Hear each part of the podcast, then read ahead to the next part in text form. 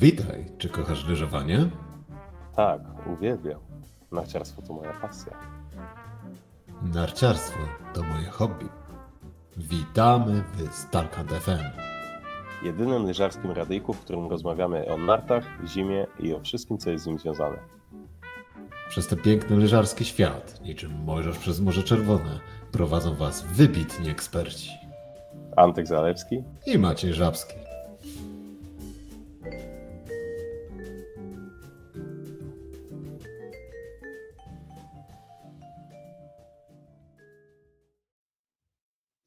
Ahoj, Radio Stalkant, lyżarski głos w Twoim domu, głos ekspertów, głos narciarzy, głos pasjonatów, głos ludzi, którzy żyją tym sportem, żyją białym szaleństwem, które już rozpędza się jak kula śnieżna, Puchar Świata w pełni, pierwszy slalom, nasze ulubione zawody i specjalnie mamy grono ekspertów podekscytowanych tymi zawodami. Nie możemy aż usiedzieć, musimy nagrać już dzisiaj nasz komentarz. Jest z nami gościnnie Michał Okniański.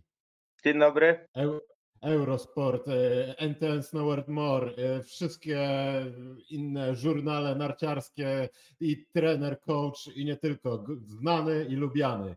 No i oczywiście jest z nami Antoni Zalewski.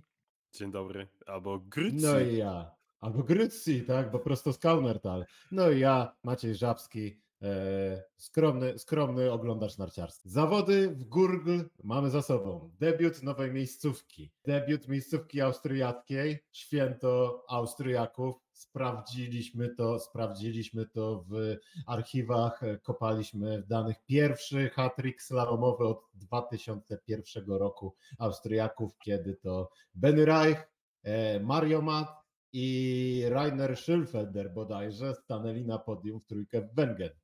E, Michał, czy spodziewałeś się takiego rozstrzygnięcia, czy po tych latach bez Marcela, no, czy Austriacy znowu wracają na dobre tory? Trochę spodziewałem się dobrej formy Austriaków, tak samo jak spodziewałem się dobrej formy y, Szwajcarów w Cermat w Czerwini. Jak wiemy, tam zawody się nie odbyły, ale na przykład Marco Pfeiffer, e, główny trener austriackiej kadry, mówił przed startem w Cermat w Czerwini, że upatruje tutaj e, jako faworytów Szwajcarów, bo mieli tam więcej dni, bo znają ten stok, bo trenowali e, i nie zdziwi się, jak na przykład pierwsza piątka będzie e, w wyścigu ze Szwajcarii do Włoch w postaci właśnie Szwajcarów.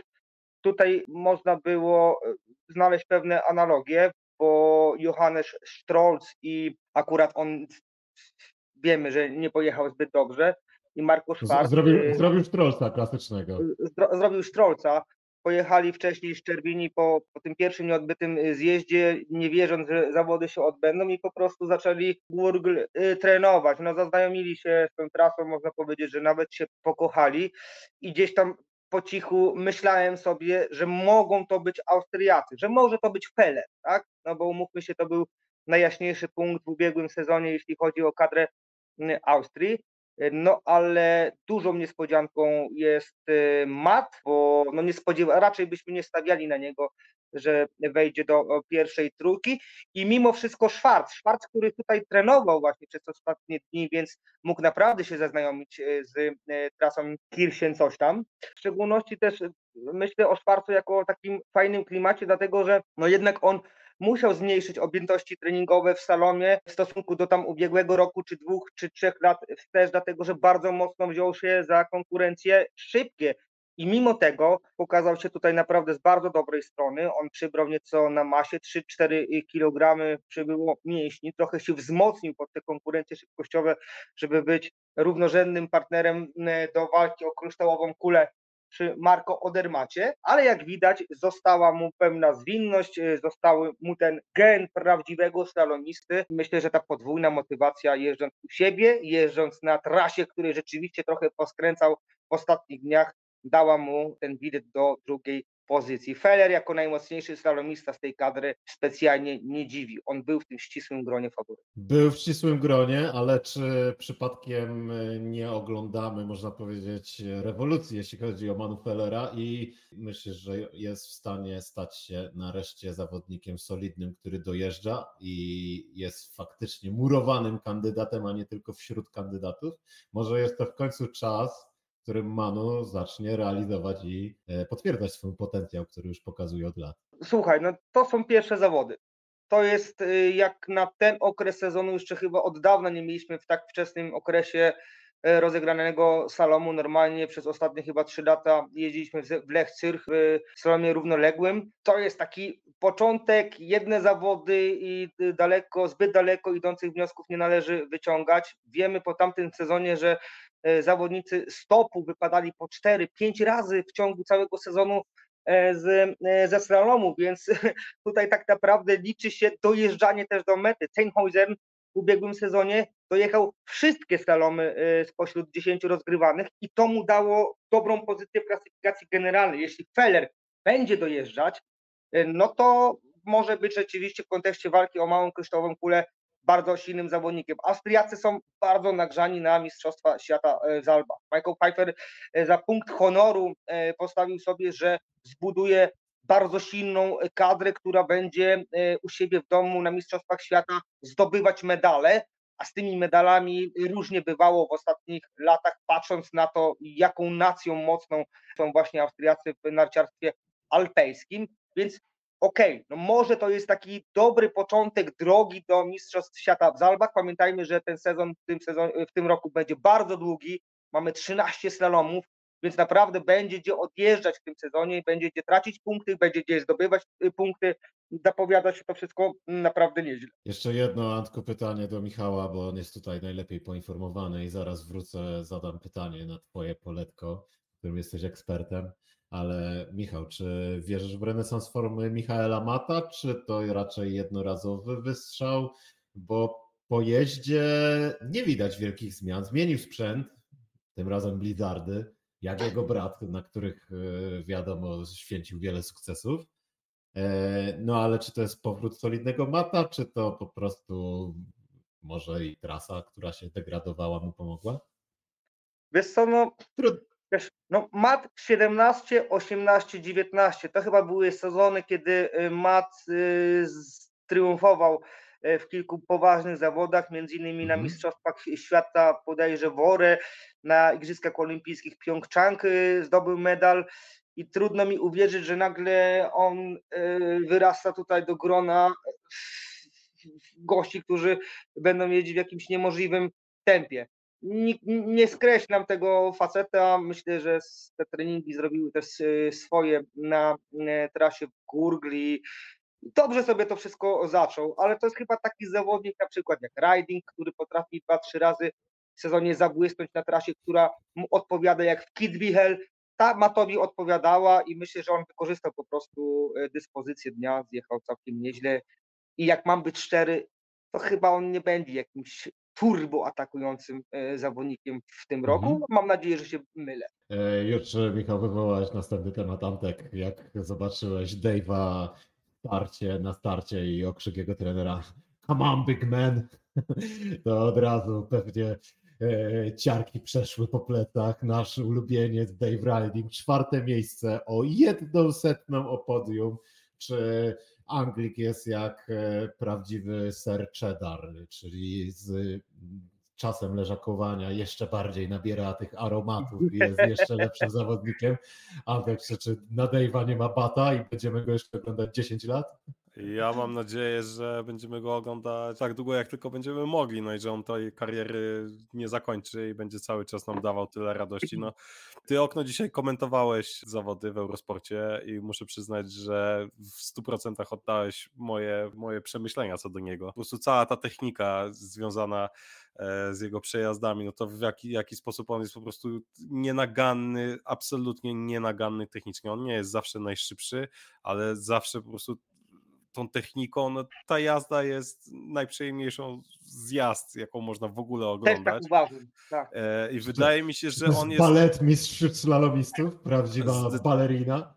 on to jest trochę tak tymi... jak, jazda na rolkach, prawda? Właśnie on, trochę, on znaczy mi to się w nim podoba. Mi się podoba właśnie w nim to właśnie wąskie ustawienie stóp, to, że świetnie te stopy prowadzi. No, tak jak powiedziałem, nie zawsze jest najszybszy e, w tej swojej jeździe, ale on jest e, nie, on jest e, najlepszy moim zdaniem w w trudnych, trudnych ustawieniach, w trudnych ustawieniach tras, w trudnych konfiguracjach terenu, bo on jest niesamowicie mobilny, niesamowicie gibki. Przy okazji nie jest tak bardzo siłowy, jakby tą swoją, nie dokłada tak dużo siły do tych e, wszystkich skrętów, które wykonuje. To pozwala mu e, w niektórych miejscach zyskiwać trochę więcej, zwyczajnie przez to, że po prostu tam nie traci. To jest bardziej jakby z czystości tego przejazdu. Stąd też te wszystkie jego zwycięstwa i te dobre pozycje, które przede wszystkim były w Kitzbühel i tam właśnie te jego wyniki najlepsze mogliśmy oglądać. No ja mam nadzieję, że będziemy oglądać go najdłużej jak się tylko da, ale co mnie najbardziej cieszy to jest to, że po pierwsze on to robi,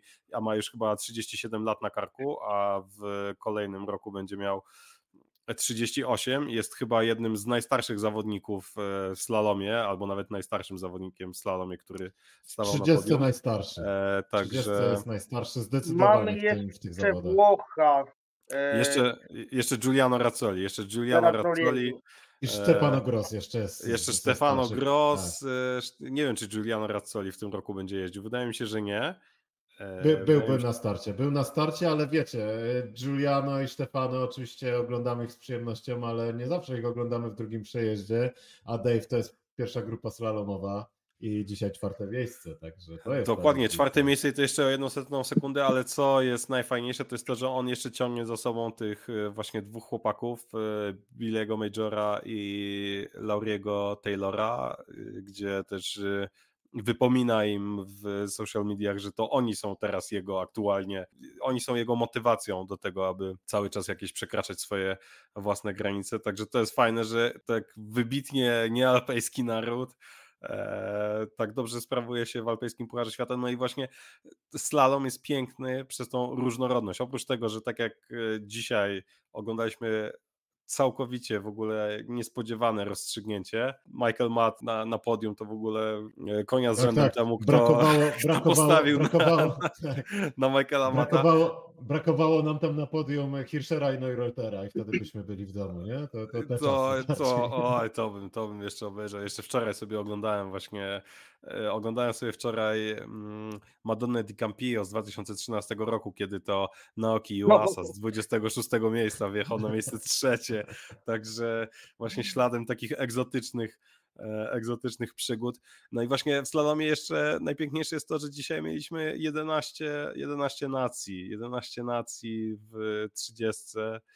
Także to jest, to jest piękne, że ten slalom jest e, ten slalom jest dla każdego i tutaj po prostu naprawdę jak się patrzyło, jak, jak dzisiaj przygotowywałem w ogóle jeszcze jakieś te relacje o tych debiutantach i naprawdę do tego 66 miejsca, no 70 jechał Wiktor Mufarjande, to naprawdę do 70 miejsca przy równych warunkach, nie wiem jak mieliśmy na przykład w zeszłym roku takie warunki były chyba w Adelboden, gdzie tam dalekimi numerami ludzie wchodzili do 30 na jakichś mega niskich e, różnicach. E, No to jest piękne, to, po prostu tutaj w całej tej paczce każdy jest w stanie wejść do 30. Także, ale wracając do pytania. Dave Riding jeździ tak długo jak się da.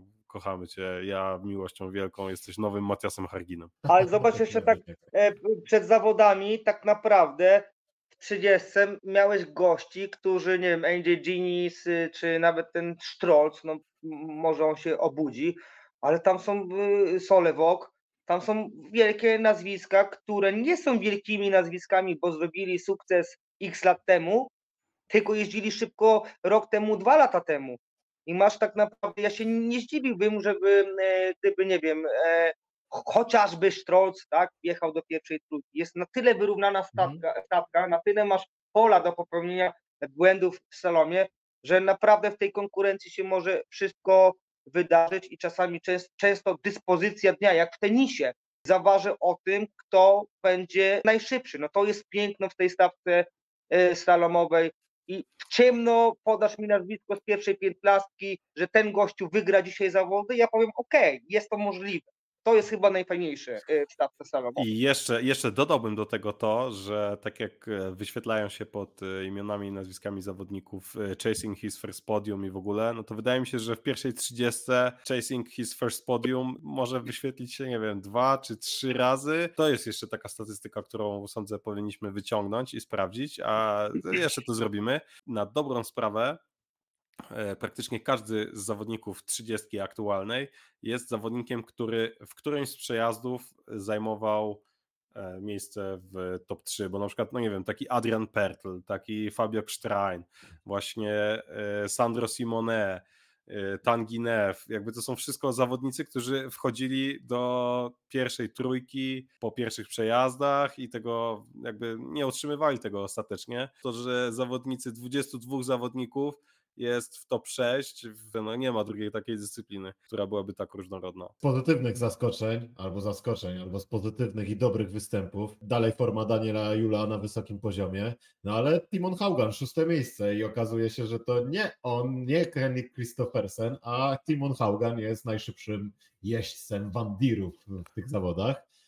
No, Eee, Timon Haugan jest najszybszy, ale Christophersen jest najszybszy, jeżeli chodzi o bitkę i doskoczenie do przeciwnika. Pierwszy, Także pierwszy do butowania, dokładnie, więc pierwszy z gardą, ale to potem myślę, że kontrowersje omówimy e, później, teraz jeszcze zajmijmy się zawodami, ale ciekawa sprawa, że Timon Hauga no, buduje swoją pozycję i podium z tego co pamiętam ma za sobą, ale to już chyba W jest kolejny sezonie, zawodnik. tak, tak. Tak, tak, kolejny lata zawodnik, którego wrzucamy do tego wielkiego wora potencjalnych chłopów, którzy mogą wygrać. worek o nazwie Norwegowie Norweg. tracą, Norwegowie tracą Brotena, ale e, kadra Norwegii niekoniecznie na tym traci. W ubiegłym sezonie bodajże o ponad 500 punktów Norwegowie wyprzedzili w klasyfikacji slalomowej Szwajcarów. E, Fakt faktem tych 500 ileś punktów zrobił Broten. Ta reszta stawki jest naprawdę mocna. Jeśli obudzi się Fossolewok, no to ci technicy są genialni. Tam była, w ubiegłym sezonie było pięciu Norwegów w piętnastce Mhm. jedna trzecia facetów 15. To świadczy, jak oni Mhm. mają mocną kadrę e, techników, ale ba- ja bardzo ubolewam, że nie widać następców e, w konkurencjach szybkościowych i tam jest duża, e, potężna wręcz dziura, jeśli chodzi o, mm, o właśnie następców. Ale wiecie, co jest fajne i bardzo ciekawe? Haugan uwiarygodnił markę Van Dier, o to, że, Tak, że, to, że to nie jest tylko geniusz Christophersena, prawda? To nie jest tylko geniusz Christophersena i dzisiaj chyba możemy śmiało stwierdzić, że te narty są konkurencyjne. Rzeczywiście, że w tak tru, krótkim czasie e, przy pomocy wielkiego mistrza Hirschera, wielkiego filozofa i takiego naprawdę skrupulatnego faceta, który dba o każdy szczegół, zresztą e, Christophersen też to ma, no stworzyli narty, które dzisiaj są, nie odstają od innych i dają im naprawdę duże pole do popisu. Mhm. Y, To było duże ryzyko ze strony, y, ze strony Norwegów, że y, poszli na współpracę z Hirscherem. Pewnie Hirscher wiedział, że finanse, że może Red Bull, że to wszystko dookoła sprawi to, że oni będą mieli konkurencyjne narty, ale mimo wszystko, no to naprawdę było zagranie all-in, szczególnie dla takiego e, Haugena, który no powiedzmy sobie szczerze, cały czas idzie do góry, cały czas się rozwija i w tamtym roku dopiero wypłynął na szerokie wody i zaczął jeździć bardzo szybko. Brawo, brawo, bo to ryzyko, jak widać, się opłaciło, a to trzeba mieć też trochę kochones, żeby takie decyzje podejmować. Ja jeszcze dodam do tych ryzykantów, których warto pochwalić, właśnie Michaela Mata, który pokazał, że na Blizzardach da się wejść na podium. Tutaj też naprawdę duży szacunek. Generalnie to na można powiedzieć, że Blizzardach. Tak, rok temu na Augmentach, wcześniej na Rosołach, ale o Blizzardach to troszkę e, zapomnieliśmy w ogóle, że te narty istnieją. To tylko Lara Kultury chyba jeszcze jeździ na Kultury Blizzardach. jeździ, tak. Całkiem Tak, dobrze też- i to wychodzi. Lara Kultury tak, i jeszcze dokładnie. chyba, nie wiem czy nie, Blardone? Nie, nie, Blar- Blardone na Elanach. Blardone On już, to on już rzecz nie, on już nie. To już Ale- nie. Jeszcze, nie, no, ale, ale jeszcze- jeszcze jeden Włoch, który nazywał się Florian Aizat i też jeździł na Blizzardzie. Flo, o, Florian Ale on już, o te, właśnie. on już też nie jeździ ze trzy sezony. E, Wielkie nagrody dla dwóch wariatów. Christopher, Christopher Jakobsen, Taginew. Chłopaki dojechaliście. Co byście Wielkie brawa, wielka, br- Wielkie, wielkie brawa, brawa. róże, bombonierkę, może wiśnie w czekoladzie. nie wiem, naprawdę.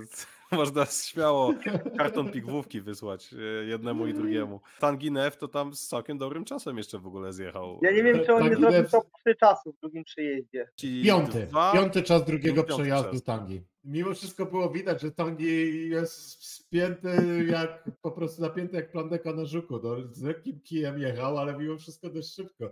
Ja mam wrażenie, że tam cały czas powtarzał sobie do cilu, do cilu Tangi, dojedziemy. Tangi Także- potrafisz. Dasz radę, kiedyś dojeżdżałeś. Także i Christopher Jakobsen i Tangi Neff dojechali, przeciwieństwie do Alexa Binasera, który jest klasyfikowany, no ale ja tutaj mam pytanie do ekspertów od techniki. Słuchajcie, czy to głowa Alexa Binasera, czy może to, że on po prostu cały czas jeździ tak odchylony, że to chyba nie może się skończyć dobrze i wydaje mi się, że bez jakiejś interwencji, zmiany techniki, to Tangi, no, przepraszam, Alex zawsze będzie Alexem R. Winatorem. Chyba, chyba to jest. y, e, Czasem mu wychodzi, a czasem nie. I moim zdaniem to nie była akurat wyjątkowo trasa dla niego. Tak jak sześć poprzednich tras w poprzednim sezonie, kiedy wyleciał, czy pięć, tak? Czyli generalnie, generalnie Alex po prostu nie lubi, jak są tyczki na trasie i najfajniej mu się jedziemy Znaczy, do- wydaje mi się, wydaje mi się, że musimy obniżyć oczekiwania wobec niego. Naprawdę, bo cały czas jakoś żyjemy w jakimś takim przeświadczeniu, że jego stać na coś wielkiego. I od Ale stać go, ma blachę pokazuje- mistrzostw świata? Ma blachę mistrzostw świata? Ma. Ma. No właśnie, właśnie, ma, tak. Ale Zobacz, i też się na nim teraz go linczujemy, a taki, a taki Solewok w ubiegłym sezonie wypadł e, 7 slalomów, gdzie on był zawsze e, pewny jak e, Pitbull, wiadomo gdzie, tak? On, był po prostu Pitbull pewny, ale to tylko świadczy o tym, jak w slalomie ważne są automatyzmy, jak e, ważne są takie kwestie, kiedy my coś robimy już podświadomie, kiedy my naprawdę jesteśmy na tym haju, jak był kiedyś małyż i on oddawał te równe skoki, nie myślał, tu skakał, miał po prostu automatyzmy i myślę, że slalom jest takim, taką konkurencją, w której naprawdę musi wszystko grać, muszą być ilość bramek przejechane, musi być pewność, musi być odnalezienie, dyspozycja dnia, naprawdę jest mnóstwo, mnóstwo czynników, które wpływają na to, y, żeby oni jeździli. Wiecie co, ja bym zwrócił uwagę na jednego gościa, który e, zobaczycie, że w tym sezonie jeszcze zrobi duże, duże niespodzianki. Jest to Fabian Axfarz z, A. ze Szwecji. Chciałem o nim mówić, bo tak, wypadł, ale samo to, jak typ ruszył na trasę, to bo wiesz, było przed nim już paru, którzy tam asekurancko, to już widać, że tam trzymali, nie trzymali, a typ poszedł jak po prostu dzik. Ale to jest nic dziwnego. Ostatnio były bardzo mocno, Topowa technika. Bardzo mocno obsadzone wpisy w Szwecji były przed tym startem, gdzie nie, nie, y, między innymi był Linus y, Strasser i on, Linus Strasser dostawał bęcki od tego chłopaka, także to tylko pokazuje, że mamy do czynienia z kolejnym Olsenem, z kolejnym y, Brotenem i McGratem i tak dalej. I to, że sobie facet jedzie tam z dalekim numerem, to o niczym y, nie świadczy, bo oni nawet przy trochę Mhm. gorszych y, warunkach na, na trasie po prostu jadą swoje, idą y, wszystko i to jest tylko kwestia czasu, kiedy ten Szwed zacznie tutaj y, robić wielkie rzeczy. Na pewno. Kolejny jeździec Bandira, żeby było ciekawiej, a na tych zawodach, o których wspomniałeś, to Linusowi klepnął sekundę 80, także to nawet nie, że klepnął Wie, tylko no to wiemy o czym mówimy, Linusa. nie? Tak, tak, tak. I, I to było widać i też właśnie e, no objawienie. Objawienie trzeba przyznać, że czekam na jego, jego kolejny występ. Objawienie, ale do Nie. połowy slalomu mniej więcej. Tak jest, niestety, ale w końcu dojedzie. W końcu się trafi ten slalom, że warunki będą trzymały i, i myślę, że kwestią czasu są jego punkty. E, Tonio, jeszcze AJ Genius. Niestety, niestety zrobił swoje, czyli wyleciał, a na pierwszym pomiarze było na zielono. Myślisz, że ciągle jest jazda, czy będzie dojeżdżanie? Jazda jest, to widać, ale co z tą grecko-amerykańską głową? e, jeszcze będzie podium w tym sezonie. Jeszcze Mówię, będzie podium. Mówię i tak będzie. No to jest rozgrzewka, no, te, te zawody były w ogóle, no było 29 DNF-ów, no 29 DNF-ów Tak albo jest. dyskwalifikacji, no tam Atlelie McGrath przecież tam wywalił, no jakby już, no szkoda wypominać kto, jak wiele osób tam y, Wie, pożegnało się z tą większość złapana bramka, nie? Większość złapana bramka Joe. Tak, ale w Większość, ogóle, e, w ogóle ta trasa była pod, pod wieloma względami była taka wyjątkowa, przede wszystkim ta sceneria dookoła, nagle slalom jest w takiej śniegowej pustyni, zazwyczaj jesteśmy przyzwyczajeni do tego, że mamy gdzieś tam jakieś drzewka, coś tam tutaj, a tu to wyglądało tak trochę, no właśnie takie Zelden, tylko że slalomowe, po prostu trasa prosta w dół, żadnego jakiegoś, y, nie wiem, zakrętu, przełamania, jak na przykład Wengen, jak na tej trasie, która jest chyba jedna z najbardziej pokręconych ze wszystkich. No ja liczę, że AJ Genius będzie cały czas nam tutaj tego kolorytu dodawał i będzie cały czas liczył się w stawce, no bo jak już ustaliliśmy, no tam slalom jest taką dyscypliną, w której wygrać może każdy i miejmy nadzieję, że tak, e, tak będzie. Mhm. Panowie, czy nim przejdziemy do kolejnego bloku, chcielibyście coś dodać o tych zawodach, czy coś jeszcze zaobserwowaliście super ciekawego, czego nie pokryliśmy w naszej tutaj audycji? Trochę się zawiodłem na moim ulubionym Romanie, czyli Ramonie. Nie był, nie, nie był to taki leciutki Ramonik jak w ubiegłym roku. Spodziewałem się więcej po nim, bo był mega regularny w ubiegłym sezonie. To tutaj był taki niespokojny, trzymający skręcie, taki nawet kwadratowy, że ten jego wzrost jak nigdy mu nie przeszkadzał pomiędzy salomowymi bramkami, to tutaj myślałem, że mu akurat w tym przypadku przeszkadza, nie, nie, nie mógł uwolnić swoich nar, nie mógł uwolnić swojej jazdy i tutaj na tym e, chłopaku się troszeczkę zawiodłem. W nawiązaniu do tej poprzedniej wypowiedzi, no że w ogóle dzisiaj było widać, że trochę te slalomowe narty większości zawodników, e, zawodników przeszkadzają. Po prostu było widać bardzo dużo błędów, no jakby ta liczba dyskwalifikacji mówi sama za siebie, ale no ten, nie wiem, nie wiem co tam się, ta, ta dziura się chyba za szybko utworzyła i trochę za szybko to wszystko pękło i zbyt szybko pojawiły się słabe warunki. Trochę chyba sobie, nie wiem, albo za mało tam potrenowali e, ci, którzy tam lecieli jeden za drugim, albo po prostu nie byli przyzwyczajeni do tego, I że... też były bardzo zmienne warunki, wiesz? Po pierwszym przejeździe słuchałem kilku wywiadów i chłopaki, e, chłopaków zaskoczyło to, że przy końcu ściany kompletnie zmieniały się warunki pod nartami. E, na stromem było kompaktowo, widzieliśmy jaka dziura się tworzyła, czyli no było agresywnie, kompaktowo, nie był to taki żywy lód. I nagle w końcówce e, ściany musisz przestawić swoje nastawienie, przestawić nieco gdzieś tam swoją technikę, no raczej działanie na, na, na buty, czucie i tak dalej, bardzo szybko się przystosować do tego, bo wyszedł tam żywy lód to była zupełnie inna jazda i teraz kto szybko się zadoptował do tej końcówki i ściany i, i e, płaskiego odcinka, gdzie było lodowo, to też e, zyskiwał na tym. A więc ta adaptacja z jednych warunków do drugich była tutaj kluczowa w pierwszym przejeździe. Austry Austriakowi e, Fellerowi to się udało optymalnie. Jeszcze tylko kronikarskiego obowiązku dodam, że ciekawym nazwiskiem na numerze na miejscu 13 Tobias Kastrunger, drugi czas drugiego przejazdu. E, nieczęsto oglądany zawodnik tak wysoko. E, jeden Hiszpan w 30 z niezłą jazdą, no i tradycyjnie Albert Popow, e, cały czas dobra forma, dziesiąte miejsce.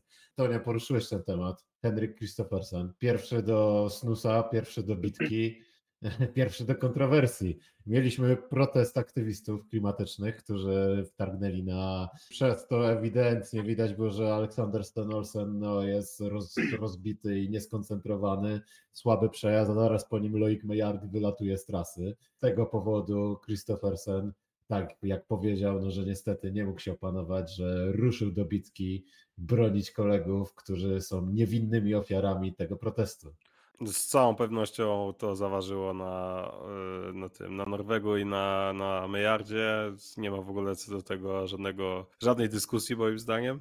To absolutnie widać było, że każdy z nas kiedyś miał taką sytuację, jak startował, że po prostu to dekoncentruje całkowicie, wytrąca z rytmu i powrócenie do tego stanu full fokusu. No zwłaszcza, że przychodzisz tam, jakby idealnie wcelowujesz z rozgrzewką, musisz być mega spięty, mega gotowy na to wszystko i nagle musisz czekać, bo coś takiego się wydarza, no na pewno nie należy to do najprzyjemniejszych rzeczy, zwłaszcza, że w slalomie w ogóle takie rzeczy dzieją się rzadko, ale przyznam, że nie spodziewałem się takiego obrazka, w którym Papa Hirscher e, blokowałby Christophersena przed spuszczeniem komuś jakiegoś łomotu. Ciekawie to wyglądało. No, na pewno Christophersena akcje u, u zawodników idą do góry jako tego pierwszego dobitki i to teraz Christophersen będzie pierwszy wchodził do klubu, a reszta ekipy za nim. Co do samego aktu, to uważam, że to nie wiem za bardzo co o tym myśleć. Naprawdę to jest temat zbyt rozległy moim zdaniem, żeby tutaj go poruszać, ale wydaje mi się, że na szczęście nic nie osiągnęli. E, troszeczkę kulą w płot i no fajnie, że coś takiego zrobili, ale zdecydowanie bardziej mi się podobało jak e, pani w samej bieliźnie przekraczała linię mety dla Aleksa Winacera. I takie bardziej mi się podobają. Y, Widać było, widać było, jak e, Christophersen po tej bójce wraca tam do zagrody dla zawodników i chyba właśnie Juan del Campo tam przybija z nim żółwika i mordeczko gratuluję dobrej akcji. Także widać było, że faktycznie jego akcje mogły, mogły pójść na górę, E, ale e, aktywiści przeszkodzili nie tylko zawodnikom, ale też i komentatorom. Michał, jak odbierasz takie, takie protesty? No powiem Ci szczerze, że mnie to też w jakiś sposób y, wybiło z rytmu. Jeśli mówimy o zawodniku, który czeka na starcie i jest y, gotowy, jest sfokusowany na swój start. Ja tak samo byłem sfokusowany bodajże wtedy na pierwszą piątkę i bije się w pierś, ale e, w pierwszym momencie nie zauważyłem, że gdzieś tam coś tam się dzieje. Potem widziałem ten brud na mecie. Trochę gdzieś to mi przyleciało. Byłem chyba też w dużych emocjach w oczekiwaniu na tę pierwszą piątkę. No potem był obrazek Christophersena w pierwszej kolejności. Pomyślałem, że jakaś bitka z kibicami, że znowu jakieś wyzwiska może na niego.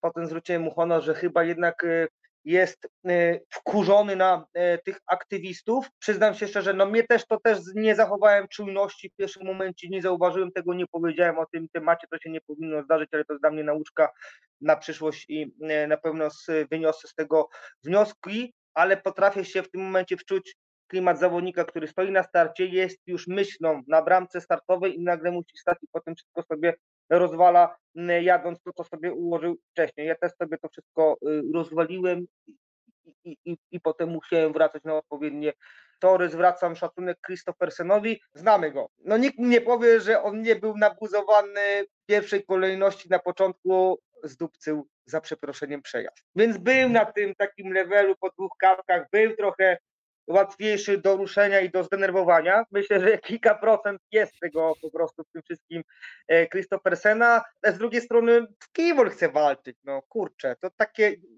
nie, nie będę wy, wy, tutaj daleko idących wniosków wysnuwać, czy to było pod pokaz, czy to było trochę frustracja ze swojego przyjazdu i tak dalej. Okej, okay, fajne, śmieszna historia, fajnie zobaczyć jak to chyba dzisiaj Michał Szypiński napisał na łamach NTN-u, wąski, ale ty mi teraz zaimponowałeś, tak? Zaimponował, ale czy to jest taki jakiś, nie wiem, fajny przykład dla, nie wiem, młodzieży, dla młodych, takie rzucanie się, takie trochę wiesz, że nic nie wskórasz, bo nikomu nie przyłożysz, bo tego by nie zrobił, że zaraz będą cię trzymać i tak dalej.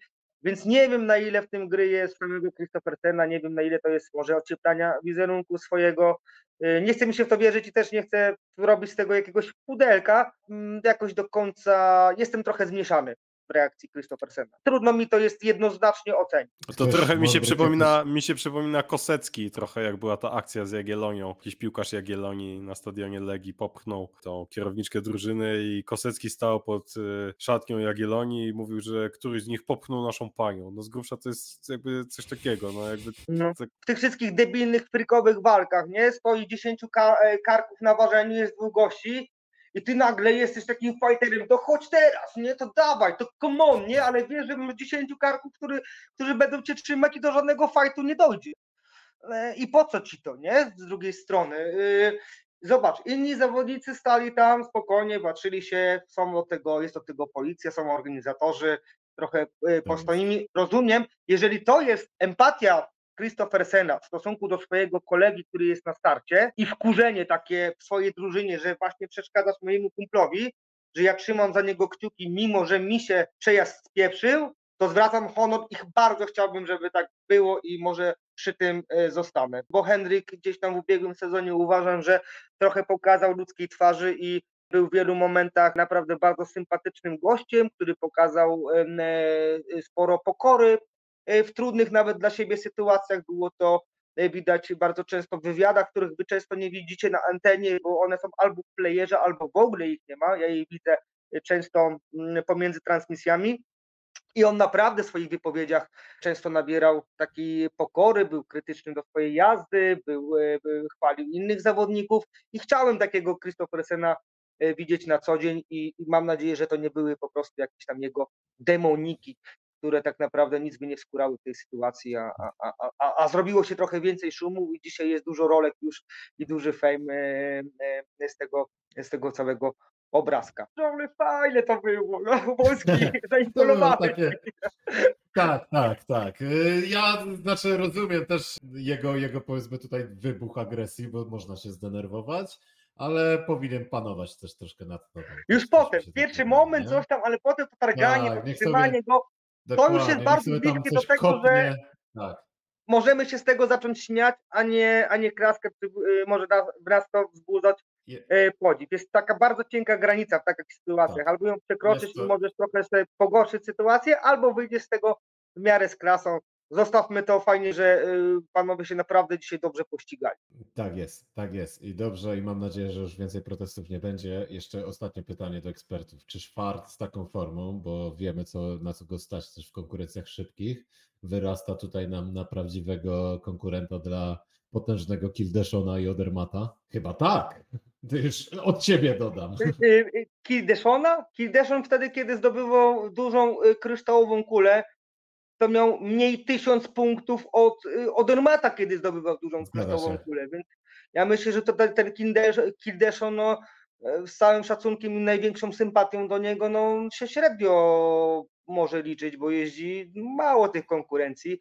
To, co pokazał Gigant z ten pierwszy przejazd, to, co pokazał Slalom Schwarz, przy zachowaniu tego tempa, które pokazywał w zjazdach ym, w ubiegłym sezonie w Supergigantach Schwarz, to on naprawdę może być groźny. Mało tego, wydaje się, że to jest skromny chłopak, Austriak, oni zawsze tacy są mało gadatliwi, zawsze bardzo poprawni, e, może za wyjątkiem Fellera, który miał trochę więcej kolorytu w sobie i trochę e, w pewnym momencie w życiu stać go było naprawdę na e, ekstrawaganckie wypowiedzi i, i, i, też jazdę, no to Schwarz mówi głośno jako jedyny ze stawki całego alpejskiego Pucharu Świata, że idzie po dużą kryształową kulę. I to są jego słowa. Raczej taki gość z takimi wynikami, z taką klasą dotychczas nie rzuca słów na wiatr i wie, że rzeczywiście może być konkurencyjny dla Odermata. To jest oczywiście też trochę gry w tym wszystkim psychologicznej, bo czemu mam nie powiedzieć innym, że jestem mocny, jak w siebie wierzę, jak treningi pokazują, że jestem mocny, bo on przecież jeździ, trenuje z Frichmajerem, treningi e, szybkościowe i tak dalej, więc on ma się do kogo porównywać. I on musi wiedzieć, że jest mocny i przy tym rozbudowanym Pucharze Świata, jaki będzie w tym sezonie, no to wszystko zapowiada się pasjonująco. On na razie zapowiedział, że do grudnia będzie startować wszystkie konkurencje. Zobaczymy potem, jak będzie z jego siłami, jak będzie z jego e, nastawieniem. O ile mu zdrowie e, pozwoli, to będzie chciał jeździć cztery konkurencje, a biorąc pod uwagę, że o jedną więcej niż Odermatt, gdzie może dojechać do mety, to może stać się równorzędnym rywalem dla tego wielkiego mistrza Kocura ze Szwajcarii. Dokładnie tak, dokładnie tak. Ciekawy sezon nas czeka. E, No, świetnie się rozmawia o slalomie. O slalomie moglibyśmy gadać godzinami o narciarstwie, ale powoli trzeba zmierzać ku końcowi. Jeszcze tylko ostatnie pytanie. Antek, jak Ci się podobał zjazd kobiet Czerwinia Matterhorn dzisiaj? Jak doskonale wiemy, jestem ekspertem od, y, od zjazdu kobiet. Zostałem nawet zaproszony. Mało osób o tym wie, bo to było późno w nocy, ogólnie o trzeciej, ale nawet komentowałem tą. Znaczy, przepraszam, byłem w studio, żeby komentować tą dyscyplinę. Fenomenalne widowisko. Także liczę na to, że jutro zobaczymy w końcu, co tam się wydarzy. Prawdę powiedziawszy, mm, szanse na to są bliskie zero. Także e, może za rok, może za dwa. W sumie kto to wie. Flis dał sobie 5 lat. To jest długotrwały projekt, więc jeszcze 5 lat będziemy modlić się co roku, żeby te zawody się odbyły. Znaczy jeszcze 5 lat, czy włącznie z tymi dwoma już nieudanymi próbami? A szczerze powiem Ci, musiałbym to No doprecyzować. może, może, jeszcze, może jeszcze trzy sezony prób będą i może kiedyś zobaczymy te zawody i zobaczymy. Szkoda, górę ogólnie Toblerone. szkoda, bo oni tam się naprawdę, z tego co widać właśnie na social mediach, oni się tam naprawdę mocno z tym promują, chcą, żeby to zadziałało. Bardzo mocno. Przygotowali bardzo duże nagrody pieniężne. Tam Tylko jest w chyba... Są większe. Tylko w Kitzbühel są większe, także to też pokazuje, ale oni wiedzieli, że się to nie odbędzie, odbędzie więc nie będą musieć płacić. No właśnie, Trochę to był właśnie, taki ale, marketingowy. Tak. ale rozgrywanie to na takiej wysokości. dolków, albo tak. i Tam tak jest tego nie 60 tysięcy franków za zwycięstwo. Jeśli zwyciężysz dzień po dniu, dostajesz 50 tysięcy 50 franków tysięcy Szwajcarów, no. bonusu, więc razem możesz zgarnąć 180 tysięcy yy, franków, daj Boże. A do tego jeszcze bezcenna statuetka oczywiście. Tak, I tak, do tak. tego jeszcze bilet na y, wejście na Matterhorn w przewodniku. Tak, Bilet, tak, na kolejkę. możliwe. Bilet na kolejkę i do tego jeszcze karnet na basen ponoć. Oraz Tak? zniżka w lokalnym sklepie. I, i termy kokołowskie. I, i trochę, y, trochę i kilogram Schinken und Speck. No, Całoroczny zapas. Toblerone. Jeszcze dodatkowo. Zbaczamy, zbaczamy jak zwykle eksperci, e, wielkie umysły meandrują, tak? I, zawsze e, pokazują, jak, jak wszechstronne są i, o wielu tematach możemy porozmawiać, ale, ale panowie, już 45 minut gadania chyba musimy kończyć, co? Dziękujemy za odsłuchanie, jeśli wytrzymaliście z nami. E, To był Stalkand FM, audycja dla narciarzy, od narciarzy, troszkę gorszych, ale kochających ten sport.